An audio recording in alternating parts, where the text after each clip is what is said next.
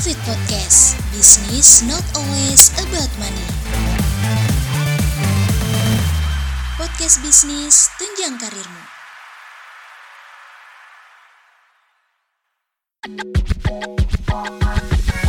Happy hearing. Profit Podcast. Business not always about money.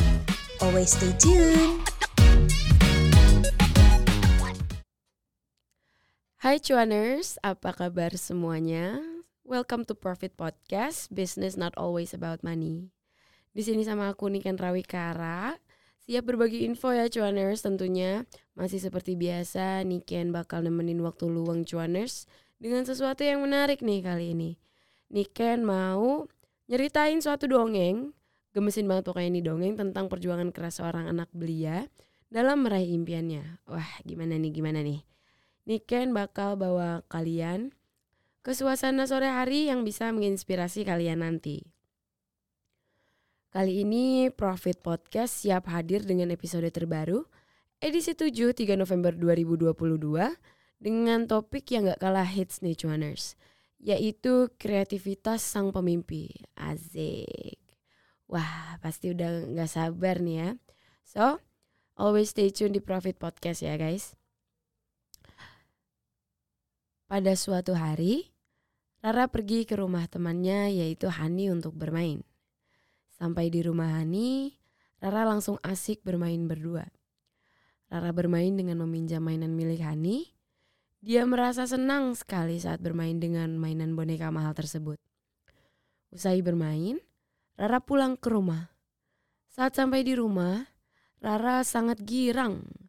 Ibunya pun melihat Rara sedang kegirangan lalu bertanya, kamu kelihatan sangat senang.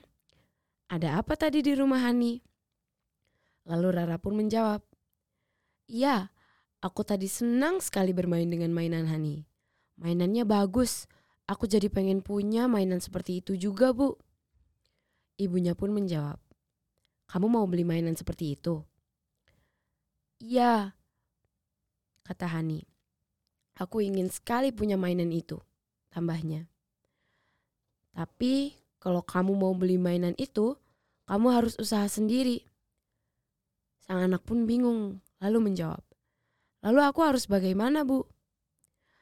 Kamu harus memikirkan bagaimana caranya agar kamu dapat menghasilkan uang agar bisa membeli mainan itu.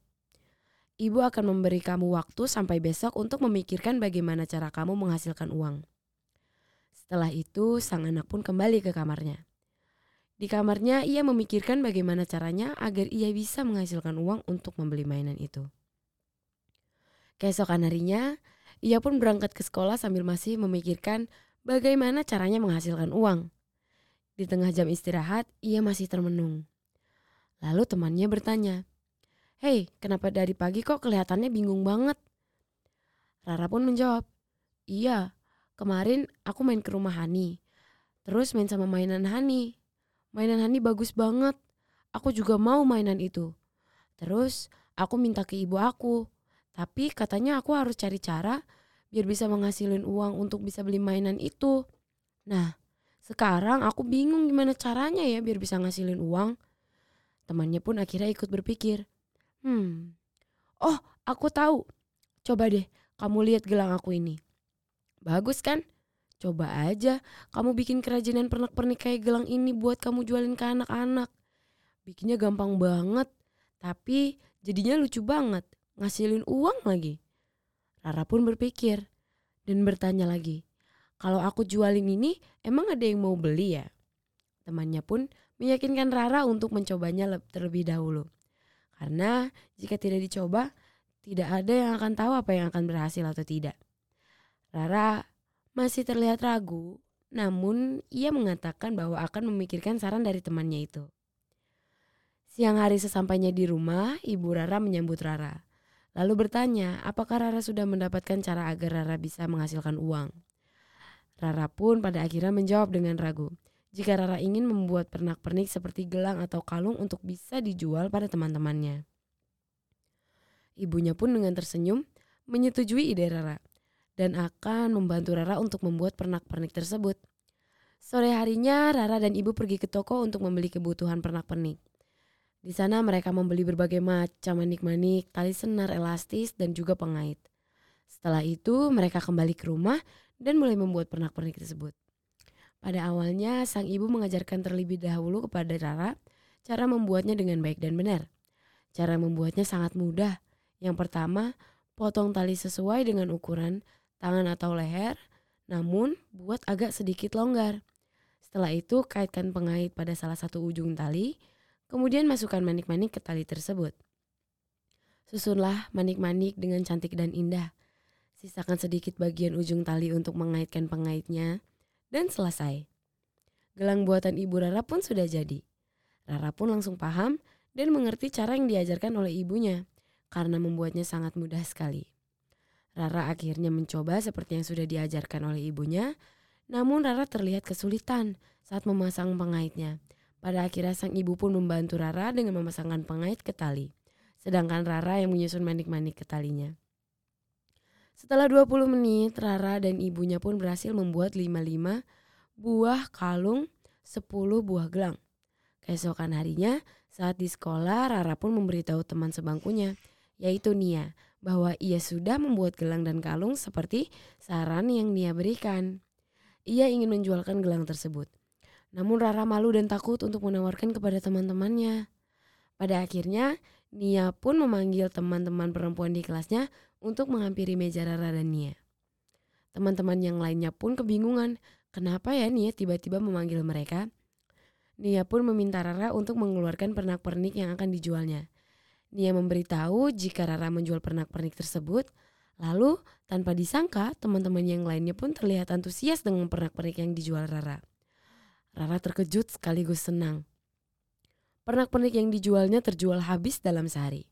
Setelah sekolah usai, Rara pun pulang ke rumah dengan senang. Lalu memberitahu ibunya bahwa pernak-perniknya habis terjual. Memang sih pernak-pernik yang dijual terjual habis, namun ternyata ibunya memberitahu bahwa uang hasil penjualan pernak-pernik tersebut tidak cukup untuk membeli mainan yang ia inginkan. Rara pun terlihat sedih, merasa gagal karena tidak bisa membeli mainan yang ia inginkan.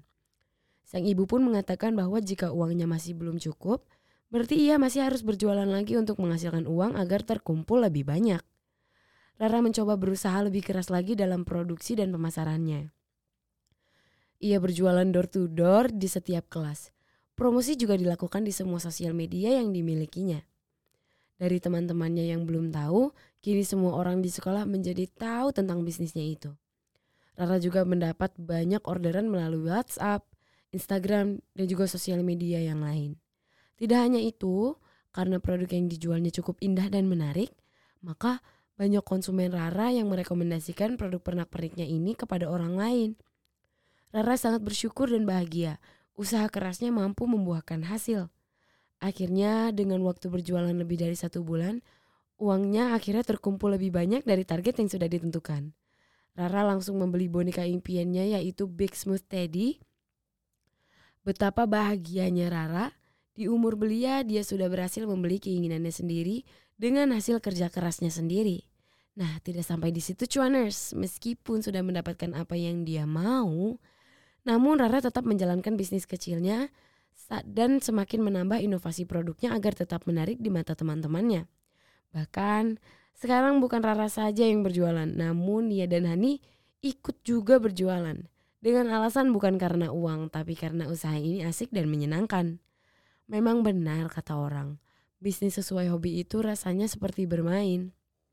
Nah, itulah tadi cerita menarik seputar bisnis yang semoga bisa menghibur cuaners. Gimana? Menarik banget dong ya pembahasan podcast kali ini. Buat cuaners jangan anggap bisnis itu susah ya. Semua itu bisa dicoba dulu karena kita nggak bakal tahu kalau misalnya kita nggak coba dulu. Coba lihat para Coba lihat Rara. Anak kecil aja bisa dapat uang dengan bisnis kecil. Apalagi kita sebagai orang dewasa. Yang penting mulai dulu aja gak sih? Oke. Okay. Thank you so much nih buat cuaners yang udah dengerin Profit Podcast kali ini sampai habis. Sampai bertemu di episode-episode selanjutnya ya. This is Profit Podcast, business not always about money. Jane! Profit Podcast, business not always about money. Thanks for hearing. Always look forward to the next episode. Profit Podcast. Business not always about money. Podcast bisnis tunjang karirmu.